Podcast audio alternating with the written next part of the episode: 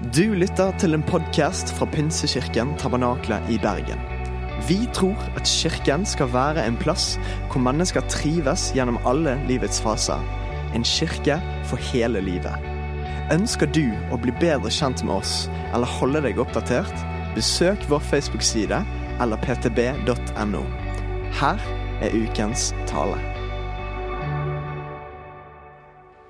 Det er andre turen jeg får lov til å være med substansgjengen til Argentina, og det er utrolig spennende. Eh, og det som eh, er egentlig, tross alle besøk og alt det vi er med på, som jeg syns er utrolig sterkt å se, det er den forandringa og forvandlinga som er i elevene sjøl, studentene sjøl. Eh, hvor de kommer ned, vi kommer på de første møtene, og det er jo som å få et sjokk. Åndelig talt. Og kulturelt. Fordi eh, man gjør det på annerledes måter, man eh, handler på annerledes måter. Eh, men eh, utrolig å se i løpet av de to og en halv ukene vi er der, hvordan skuldrene senkes, og hvordan de begynner å oppleve Gud selv i sine egne liv. Og det er utrolige opplevelser å få lov til å være med på. Eh, vi har eh, som sagt vært med på veldig mye. Eh, I eh, de to ukene vi, eh, Linda og jeg fikk jo reise en uke før og fikk opp, helt opp i Andesfjella, byen Salta, og besøke menigheten som vi planta der for 25 år siden. 26 år siden. Og fikk være med å feire sammen med pastorfamilien der at de hadde nå vært pastorpar der i 20 år. Og det var en utrolig opplevelse. Menigheten der har jo også ekspandert på forskjellige måter til flere andre menigheter i Nord-Argentina. Og det var uh, utrolig å få lov til å både lytte og høre og være en del av det som Gud gjør videre i det arbeidet en har fått lov til å være med og starte for så lenge siden. Og si at uh, det er Herrens menighet, og det er Han som bygger sin menighet. Og så bruker Han oss i perioder i livet, og så går Hans verk videre. Så det var utrolig sterkt å være der oppe den første tida. Uh, og så fikk vi jo komme ned og uh, henge oss på substansgjengen i uh, Buenos Aires-området. Vi eh, bodde på bibelskolen til Assemblies of God i Buenos Aires. Og bare det å være på den bibelskolen er veldig spesielt. Altså Det er en undervisning i seg sjøl å bare få lov til å være der. De har mange dyktige lærere som kommer og underviser. Å være med på chapel, altså kirke, hver eneste morgen etter frokost så var det chapel i kirka. Og det er vekkelsesmøter hver eneste dag. Jeg skulle gjerne ha vist deg noen bilder, jeg får ta det seinere, men hvor du ser eh, Ofte så ligger en på kne alle sammen foran der og bare innvier seg til Gud og sier at Gud, du må bruke livet vårt. Vi ønsker at du skal være nummer én i våre liv, og vi ønsker å leve livet vårt for deg. Det gjør utrolig inntrykk. De har ca. 1000 elever som går på den eh, bibelskolen, så det er ingen liten bibelskole fordelt eh, på eh, forskjellige semester i løpet av året. Vi har fått lov til å besøke holdt på å si både mindre og større menigheter. Og når vi da snakker mindre i Argentina, så er det liksom bare 3000-4000 medlemmer. Eh, og så noen større på ca. 20 000-25 000 medlemmer. Eh, litt andre dimensjoner enn her, men samtidig utrolig å se den kjærligheten og den nøden og den gløden som de har etter å nå ut med evangeliet.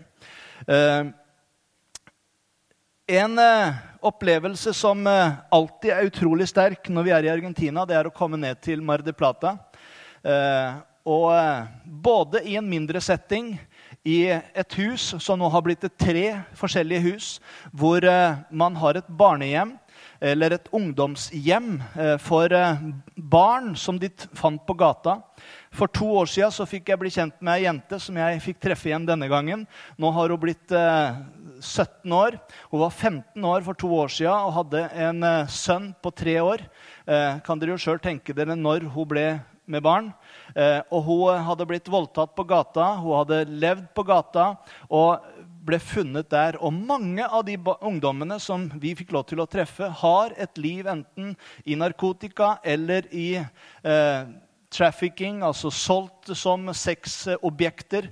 Barn langt ned i åtte-niårsalderen som har blitt misbrukt, og som har blitt fanga opp i dette nettverket, og i dag eh, får lov til å ha et hjem.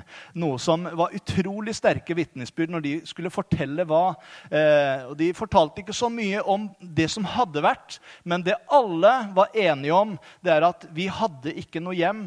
Vi hadde et dårlig hjem, vi var kasta ut på gata. Men nå har vi fått et hjem.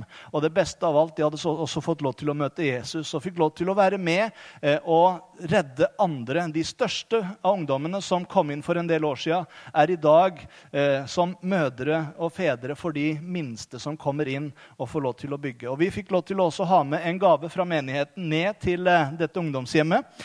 De driver nå og bygger et sted ved siden av et lokale de har bygd, som de ønsker skal romme ca. 60 ungdommer som de vil hjelpe. Eh, de bor i dag i et knøtt lite hus eh, fordelt på de som er nye inne, og de som har vært lenge og begynner å greie seg sjøl, bor i et annet hus. Eh, og det er fantastisk å se den omsorg de har for hverandre. I dag så har jeg lyst til å dele litt med dere om en tro som handler. Og Jeg har lyst til å starte med å fortelle en historie fra den ene menigheten vi fikk lov til å være i for eh, to søndager siden. Eh, så var vi i, eh, eller To lørdager siden var vi i den kirka. På fredagen kom vi først til kirka, og da skulle det bare være ledemøter Eh, for alle gruppene i eh, menigheten. De har eh, noe lignende det systemet vi har med life-grupper, smågrupper eller cellegrupper. og hvordan du vil kalle det. Og Den dagen så hadde pastoren invitert inn alle lederne i disse cellegruppene. Og da var salen full. Eh, Ca. dobbelt så stor sal som dette. Det var 1200 ledere til stede på den samlinga som alle leda hver sin life-gruppe. Eh, du skjønner at den menigheten har 25 000 eh, medlemmer. Eh, og pastoren bare delte hjertet sitt med dem om tro. Om hvordan vi kan få lov til å gå i tro og handle på det som Gud har kalt oss til å gjøre. og Mange ganger så har jeg fått spørsmålet også når jeg har kommet hjem denne gangen. og Folk spør liksom, ja, men hvorfor skjer det så mye der og ikke her. Og jeg tror nettopp noe av det vi skal dele litt sammen om i dag, er noe av kjernen i hvorfor det skjer der, og kanskje ikke alltid like ofte her. Kanskje vi har noe å lære. Eh, Forsto at André hadde sagt at jeg var i mitt ess eh, når jeg var i Argentina forrige helg. Eh, og Da er det jo bra at jeg sier noe om André også. Eh, han var faktisk også i sitt ess der nede. Så jeg lurer på om det ikke er en sånn liten søramerikaner langt bak i André også. Eh, og det gjør noe med oss å få lov til å møte det trykket som er i forhold til den åndelige biten. Han delte frimodig og sa at i morgen så er den dagen hvor vi har velsignelsens dag i kirka. De har det fire ganger i året. Eh, hvert kvartal så har de noe som de kaller for velsignelsens dag. Det er ikke en vanlig søndagsgudstjeneste. her var en lørdag ettermiddag hvor de skulle invitere til. Og vi tenkte liksom, åssen går det an? da? Lørdag ettermiddag i verste varmen, og folk liksom spiser middag og greier. Eh, men de inviterte til en velsignelsens dag den dagen etter. Ehm, og Han eh, delte hvordan eh, de hadde vært med og bedt noe av det samme som vi har her også, med bro til tro, hvor de ber for to-tre stykker som de ønsker skal bli frelst. Og Disse hadde de bedt for i løpet av en god tid. Og Så sier pastoren frimodig i morgen er dagen da du skal ringe dem og du skal invitere dem med. Ja, du skal si at 'jeg kommer og henter deg da og da' og tar deg med til gudstjeneste. For jeg vil at du skal oppleve Guds velsignelse i ditt liv. Og Vi har laga en spesiell dag dag for deg hvor vi ønsker at du skal få lov til å oppleve Guds velsignelse. Når vi kommer dit på lørdag ettermiddag, så eh, allerede 100 meter før du kommer til lokalet, så er det klovner som holder på med ballonger og greier og viser der er lokalet, der borte er lokalet. Eh, det var leven i byen, eh, rett og slett. For den menigheten som vi var i, hadde også fire andre lokaler i byen. Så når vi faktisk dro fra møtet, så traff vi på en del av de andre bilene og sånn i byen som kom og feira eh, at det også var velsignelsens dag. Men når de kommer, så hadde pastoren vært frimodig og sagt at altså, i morgen skal vi be med 1000 mennesker til frelse. Og jeg tenkte det er bra det er, det er ikke helt der ennå, på det nivået der. 1000 mennesker skal vi be med i byen i morgen. eh, i de forskjellige samlingene som de hadde. Og så skal dere ta med dere folk som er syke. Ta dem med på gudstjenesten i morgen, for i morgen vil Herren helbrede mange mennesker. Og dere kommer til å se tegn, under og mirakler i den samlinga her i morgen. Og vi kom med forventning like mye som de andre på lørdagen. Eh, vi var en time før møtet skulle begynne, og da var det allerede kø på utsida. Eh, vi hadde noen gode venner som hadde ordna plass til oss, så vi fikk lov til å komme og sitte. På lørdagen så fikk vi æresplass helt foran. Eh, men denne lørdagen var det noen andre som skulle ha æresplassen, og det var de som var der for første gang. Så vi satt litt lengre bak i lokalet og syntes det egentlig var veldig greit å sitte bak den dagen og få lov til å se det som skjedde.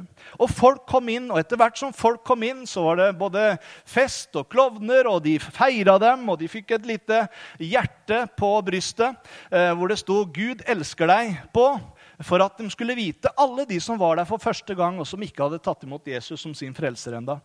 Alle de ble geleida inn i hovedsalen, som tar ca. 1200 mennesker. Og resten av medlemmene som hadde tatt det med seg dit, de fikk sitte på de to galleriene som tar ca. 1000 medlemmer, de også. Eh, og der satt vi, og vi, eh, lovsangen var i gang, og det var full fart, og det var eh, herlige fest i gudstjenesten.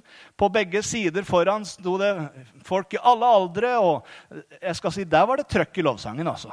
Det var skikkelig, eh, med svære skjermer og alt mulig som eh, var der. Men det var ikke det som var det viktigste. Det var gudsnærværet fra første stund i gudstjenesten. Og så begynte han å dele frimodig fra Guds ord, og han delte evangeliet på en enkel og grei måte, hvordan Jesus berørte denne mannen, spedalske mannen som kom til han, og han gjorde han ren. Og hvordan han også ønsker å velsigne oss, han ønsker å gjøre oss rene. Og det viktigste var kontakten med Gud og forholdet til Gud. Og når han så tar innbydelsen og sier dere som i dag vil oppleve den velsignelsen i ditt liv og i din familie, og du ønsker å ta imot Jesus som din frelser og herre i dag, kan dere være så snill å reise dere opp. Så reiser det seg opp over 500 mennesker bare i lokalet. Jeg syns det fortjener en klapp, jeg. Som etterpå blir tatt vare på i de forskjellige gruppene i menigheten. Og etter det så begynte han å betjene mennesker som trengte forbønn. Og Vi kunne stått her i, helt til kvelden og fortalt historier, fantastiske historier om hva Gud gjorde. Men jeg har lyst til å bare ta én ting sammen med dere. En mor som kommer fram med en datter på tre og et halvt år, eh, som eh, var født med en hjerneskade som gjorde at eh, motorikken i kroppen ikke fungerte. Eh, Dattera hadde aldri eh, enda stått på beina, kunne ikke gå. Hun hadde ingen muskulatur i beina. Så eh, når eh, han hadde bedt for mor, og hun bare kom under Guds kraft og bare lå på gulvet eh, og ble betjent, så lå dattera ved siden av på gulvet, og så bare kneler pastoren ned ved siden av henne.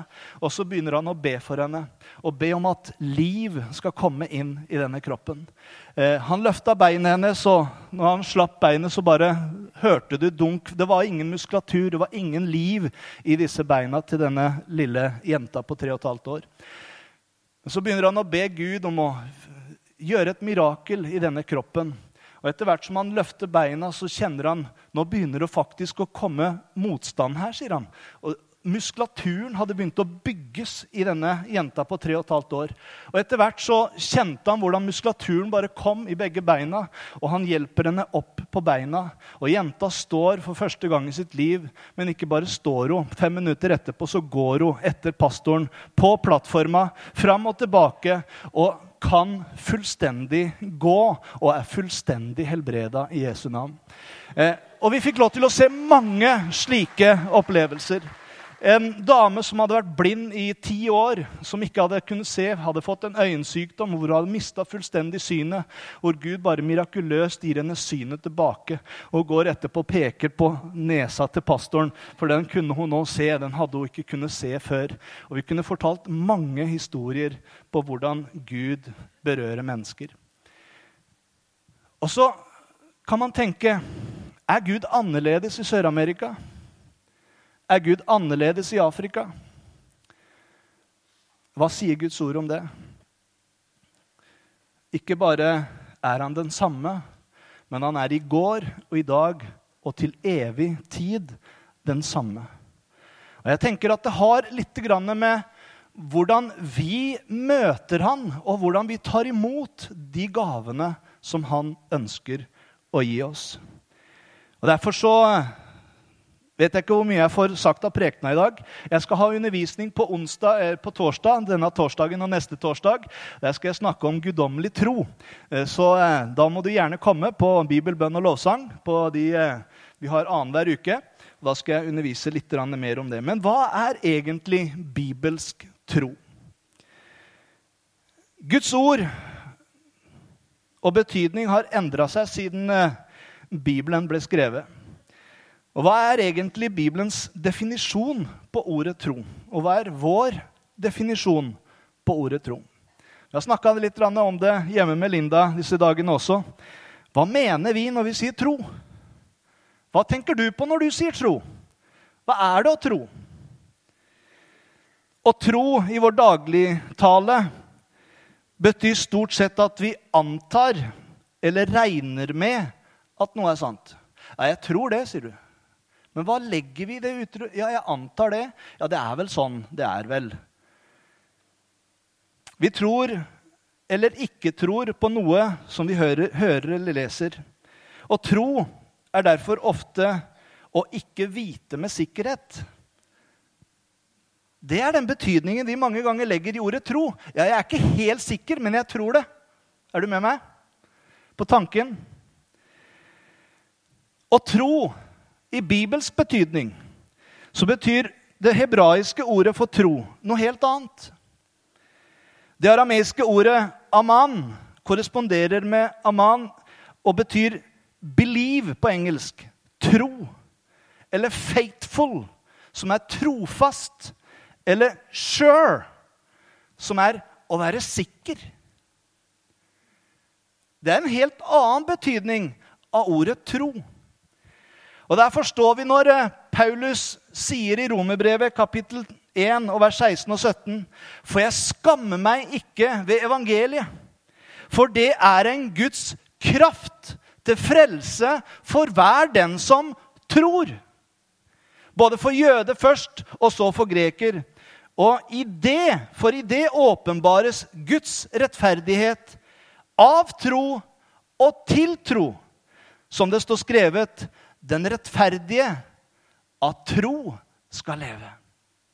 Eller den rettferdige skal leve ved tro, som det står i den andre oversettelsen. Evangeliet handler om tro. Det er Guds kraft til frelse for den som tror, står det. Og vi vet at eh, det er troen som frelser. Vi er Guds barn fordi vi satte vår tro til det verk som Jesus gjorde for oss på Golgata da han, da han sto opp igjen fra de døde. Vi trodde det ordet som det står, at alle de som tok imot ham, de ga han retten til å bli Guds barn. De som tror på hans navn. Og så trodde vi det, og så tok vi imot det. Og så får vi lov til å oppleve hvordan Den hellige ånd bare legger en sikkerhet i oss så jeg vet at jeg vet at jeg vet at jeg er frelst. Jeg trenger ikke å lure på det. Ja, Hvordan vet du det, sier du? Jo, for jeg tror det Bibelen sier. Om at Jesus døde for meg. Og når jeg tar imot det i tro, så gjør det en visshet inni meg om at jeg er Guds barn. Dette har jeg skrevet til dere for at dere skal vite at dere har evig liv, dere som tror på Guds sønn. I Hebreerne kapittel 11 så gir Bibelen eksempler på mennesker som trodde. og Jeg skal ikke ta hele det galleriet, men eh, jeg garanterer deg hvis du tar og leser det kapittelet når du kommer hjem, så greier du ikke å avslutte det før du er ferdig med hele rekka. Og eh, se disse trosheltene. Hva var det de gjorde? Hvordan viste de sin tro? Jo, de viste troen sin i handling. De handlet på det Gud sa. Og derfor så fikk de også se det som Gud sa. Hva er opprinnelsen til tro? Gud er troens gud. Han er den som oppfant troen, om du vil. Og Det første kapittelet i Bibelen så viser den oss hvordan Gud presenterer seg som troens gud. Han talte ut i tro, og hele verden ble skapt gjennom de ord han talte. Han talte, og det skjedde, står det i Salme 33. Han bød, og det sto der. Troen og ordene vi sier, har en veldig stor relasjon. Vi må forstå at Gud er troens gud, og han omgir seg med tro. Og Dette er grunnen til at Gud også forventer tro fra de som omgås Han. Å ha tillit til Gud og tro Gud. Ikke bare tro på en Gud, men å tro Gud.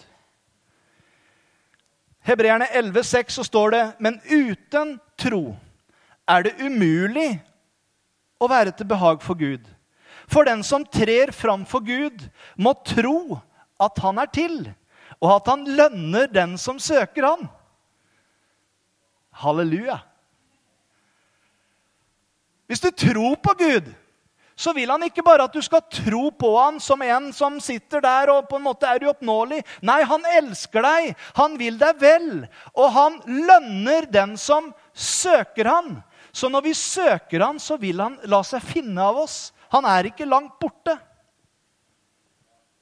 Dette er fordi tro rett og slett handler om Guds egen natur.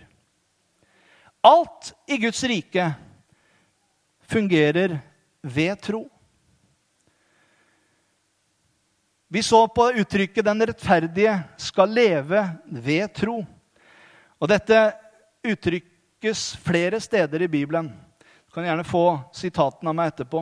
Både i Romerne, og Galaterne og Hebreerne og i Habakuk i Gamle Testamentet så forteller det oss om at tro det er en livsstil.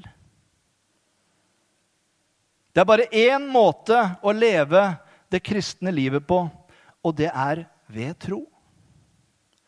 Fordi alt i Guds rike fungerer ved tro. Tro er nøkkelen som låser opp for deg alt det du trenger for å leve som en kristen. Tro involverer alt vi mottar fra Gud. Jeg har lyst til å bare gi deg raskt ti forskjellige ting som du får ved tro. Vi er frelst ved tro. Vi er åndsdøpt ved tro. Vi får helbredelse ved tro. Vi får bønnesvar ved tro. Hvis du lurer på hvor står alt dette, så kan du få alle versene med etterpå. Vi seirer ved vår tro. Hva er det som seirer over den onde? Jo, vår tro, står det. Det behaget, det vi kan behage Gud ved å tro. Det skjønner jeg jo veldig godt. Hvis ingen har tro på deg, så kan du jo lure på om, de, om det, liksom, det, behager deg. Men når du sier 'Ja, men jeg tror på deg' og Tenk hvor mye mer Gud, som er vår skaper, som er vår Herre, som er den som holder oppe alt, det at vi tror Gud Det er til behag for Han. Vi blir rettferdiggjort ved tro. Vi blir velsigna ved tro. Vi blir bevart og holdt oppe ved tro. Og nådegavene, de virker ved tro. Og vi vandrer, og vi lever i tro. Å tro, det er å handle på en overbevisning. Og Bibels tro er derfor å ha tillit til, å stole på og gjøre det vår himmelske Far eller Hans Sønn sier, fordi vi har full tillit til den som uttaler seg. Å tro på Gud er ord som får en helt annen betydning når vi tolker det i bibelsk sammenheng. Jeg antar ikke, men tro er full visshet om det som håpes. Er ikke det litt eh, motsigende, sier du? Kan jeg håpe og tro samtidig? Hvordan henger det sammen? Jeg holdt på å si Du får komme på torsdag, så får vi gå gjennom det inngående. Full tillit til det en håper på, og overbevisning om det en ikke ser. Hvordan kan du være overbevist på det? Jeg skal gi deg to eh, lite hint. Vi kommer tilbake til det på torsdag også. Men du har en Thomas-tro, og så har du en Abrahams-tro. Bare for å gi deg en liten smakebit. Thomas tro, hva var det for noe? Hvis jeg ikke ser hendene hans, og hvis jeg ikke får putte fingeren i siden hans, så tror jeg det ikke. For det eneste jeg tror, det er det jeg ser. Og det er det mange mennesker rundt oss i dag som lever i den form for tro. Men så har du Abrahams tro. Hvordan var hans tro? Jo, han så ikke på sitt utdøde liv og på konas mors liv. Han var nesten 100 år, og kona var 90 år. Og så hadde Gud kommet og sagt om ett år så skal dere ha et barn. Jeg mener, Det er jo galskap i seg sjøl. Det er jo ikke logisk. Nei, men sånn er det med Guds tro av og til. Den er ikke logisk. Men så kan du velge å tro Gud, eller så kan du velge å la være. Og Abraham han valgte å tro Gud, står det. Og han fikk lov til å oppleve å bli det Gud hadde sagt. Du skal bli far til et stort folk. Peter og Johannes de gikk en dag opp til tempelet til ettermiddagsbønnen ved den niende time. Leser om det i Apostlenes gjerninger 3 og fra vers 1. Da kom de bærende på en mann som hadde vært lam helt fra mors liv. Hver dag satte de ham ned ved den tempelporten som kalles Fagerporten, så han kunne tigge om gaver fra dem som gikk inn på tempelplassen. Da han så Peter og Johannes som var på vei inn, ba han om en gave. De så fast på han, og Peter sa, 'Se på oss.' Han gjorde det og håpet at de ville gi ham noe. Men Peter sa, 'Sølv eller gull har jeg ikke, men det jeg har, det gir deg.' I Jesu Kristi Nazarerens navn, reis deg og gå. Og han grep han i høyre hånd og reiste han opp. Ser du hvordan troen virker? Han ikke bare sa til mannen, 'Vet du hva? Det jeg har, det gir jeg deg.' Han vil gi deg helbredelse i dag. Men så handler han i tro ved at han rekker ut hånda, tar han i armen og reiser han opp. Og idet det skjer, så er det en kobling i ånden. Har, eh, jeg har fått et nytt begrep på bro til tro i disse dagene. hvor jeg driver og forberedt dette her. Bro til tro. Eh, og vi, vi, vet jo hva vi mener med det. Altså, Det er jo BRO. ikke sant? Det er eh, bønn, det er relasjoner, og det er ord. Det er det vi legger i det bro til tro. Men det fins også en annen bro til tro. Det er at når Gud taler, så blir handling blir den broen til tro. En tro uten gjerninger er en død tro, sier Jakob. Men når Gud taler, så tror jeg at forskjellen på at vi får oppleve det Gud taler, og det at vi ikke får oppleve det, det handler om at vi tør å bevege oss i tro. Og Peter og Johannes de var på vei opp til tempelet. Det hadde de sikkert gjort mange ganger. De gikk av sedvane til tempelet. Det gjorde jo Jesus også. De hadde sikkert vært der oppe og bedt. Og denne mannen hadde sikkert ligget der hver eneste dag vi har jo en del som eh, vi ser på forskjellige steder, og man kjenner dem igjen.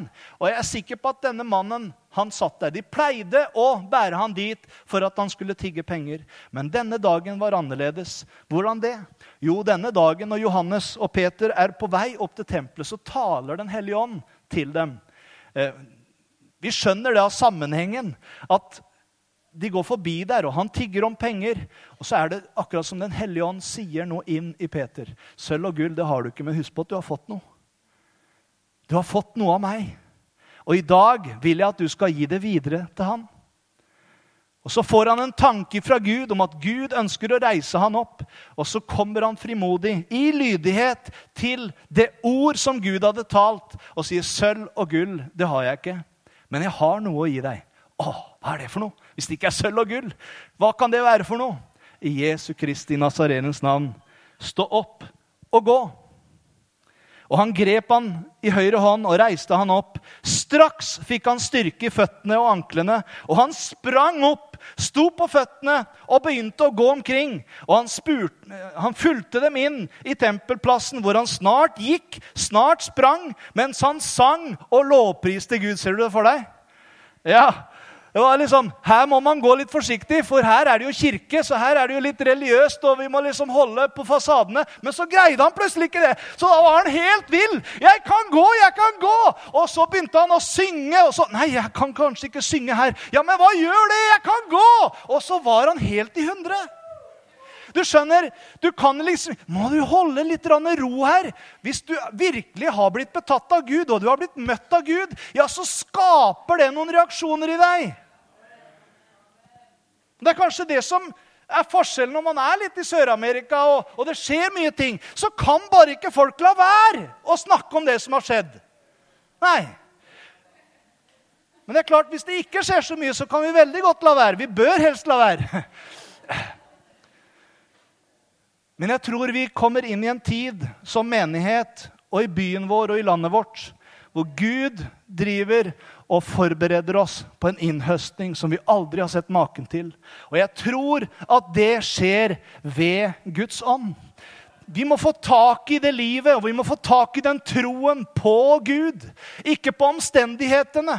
Når du ser på omstendighetene, så kan du bli deprimert. Når du ser på omstendighetene, så kan du tenke det går nedover. Ja, det går liksom, Nå er det politisk, og alt det går imot oss kristne. Ja, du kan gjerne sitte der og tenke som så. Eller så kan du reise deg og så kan du gå ut og begynne å dele evangeliet med mennesker. Du kan begynne å be for mennesker som trenger Gud. Du kan be for mennesker som sliter i ekteskapet. Du kan be for mennesker som er syke, og se at Gud begynner å virke.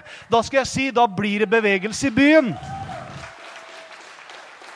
Han forventa å få noen usle mynter, men han fikk noe som var mye større. En mann som hadde vært lam fra fødselen av Etterpå, når han står foran og skal liksom forsvare seg, Peter og Johannes, så sier de vi kan ikke la være å tale om det vi har sett og hørt. Dere får, dere får bestemme dere hva som er rett, men vi vil heller lyde Gud enn dere. Og så står det om denne mannen. De kunne jo ikke si noe på det, for han var jo over 40 år. Ja. I over 40 år hadde han sittet og vært lam. Men Guds kraft møtte denne mannen.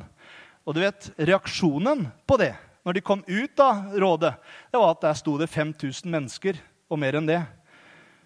I hvert fall den dagen ble det frelst 5000 mennesker. Jeg mener, Det var stort å se 500 mennesker frelst på et møte, men denne dagen her var det faktisk 5000 mennesker som ble frelst på én dag. Hvorfor det? Fordi en mann som ikke kunne gå i 40 år, plutselig sto og løp og skrek og ikke kunne la være å snakke om det Gud hadde gjort. Når de begynte å se på Peter og Johannes, ja, men da må vi gjøre noe ut av dem. Vi må liksom sette et navn på dem. Så sier Peter og Johannes, stopp! Det er ikke oss. Det er ikke vi. Men det er han som dere korsfestet. Det er i hans navn og i hans kraft at denne mannen står foran dere som den gjør. Jeg hadde lyst til å ta hele galleriet, men jeg skal ikke gjøre det. Jeg bare minne om noen flere eksempler hvordan troen den må kobles på handling for at vi skal få lov til å oppleve og se det Gud vil.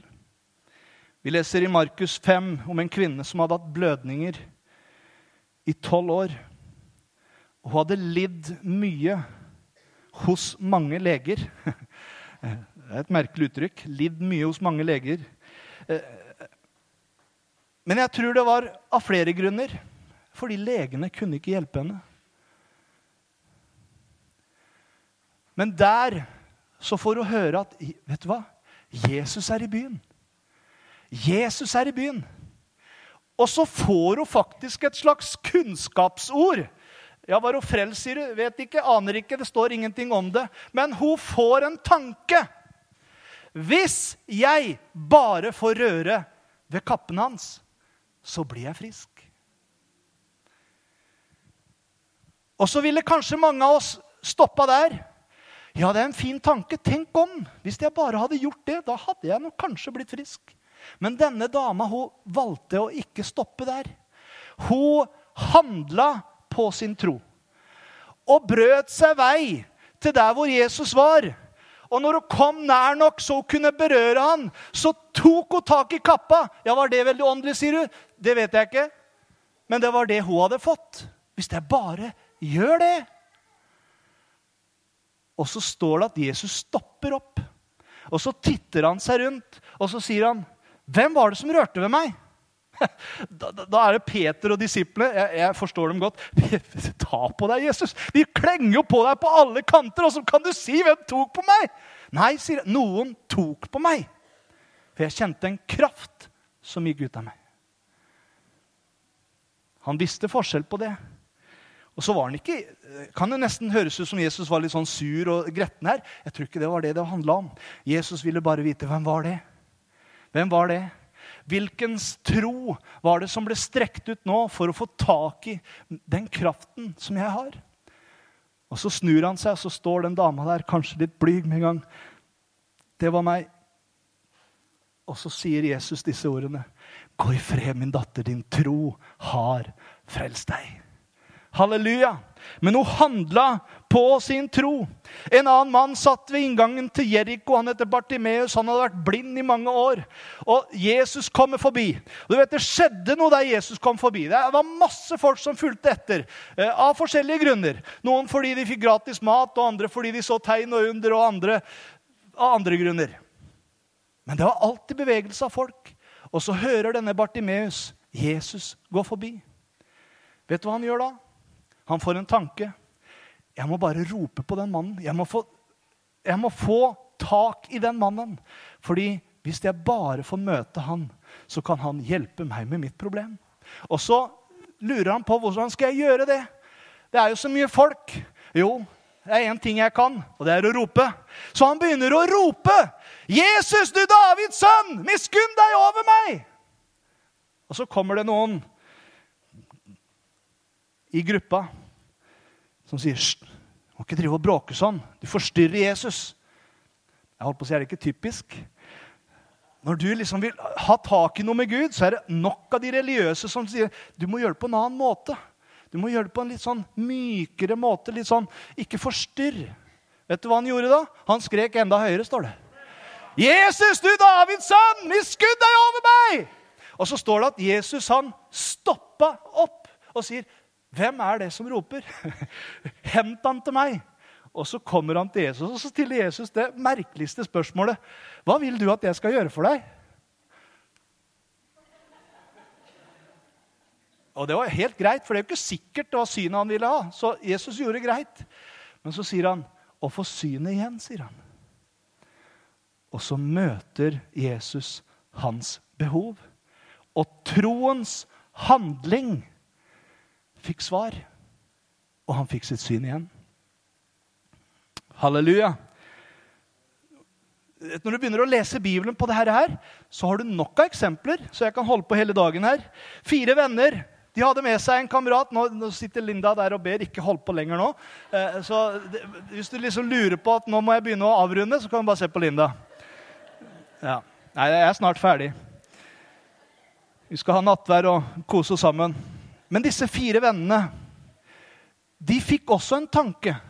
Og jeg skal avslutte med den. Og det var en hel sprø tanke.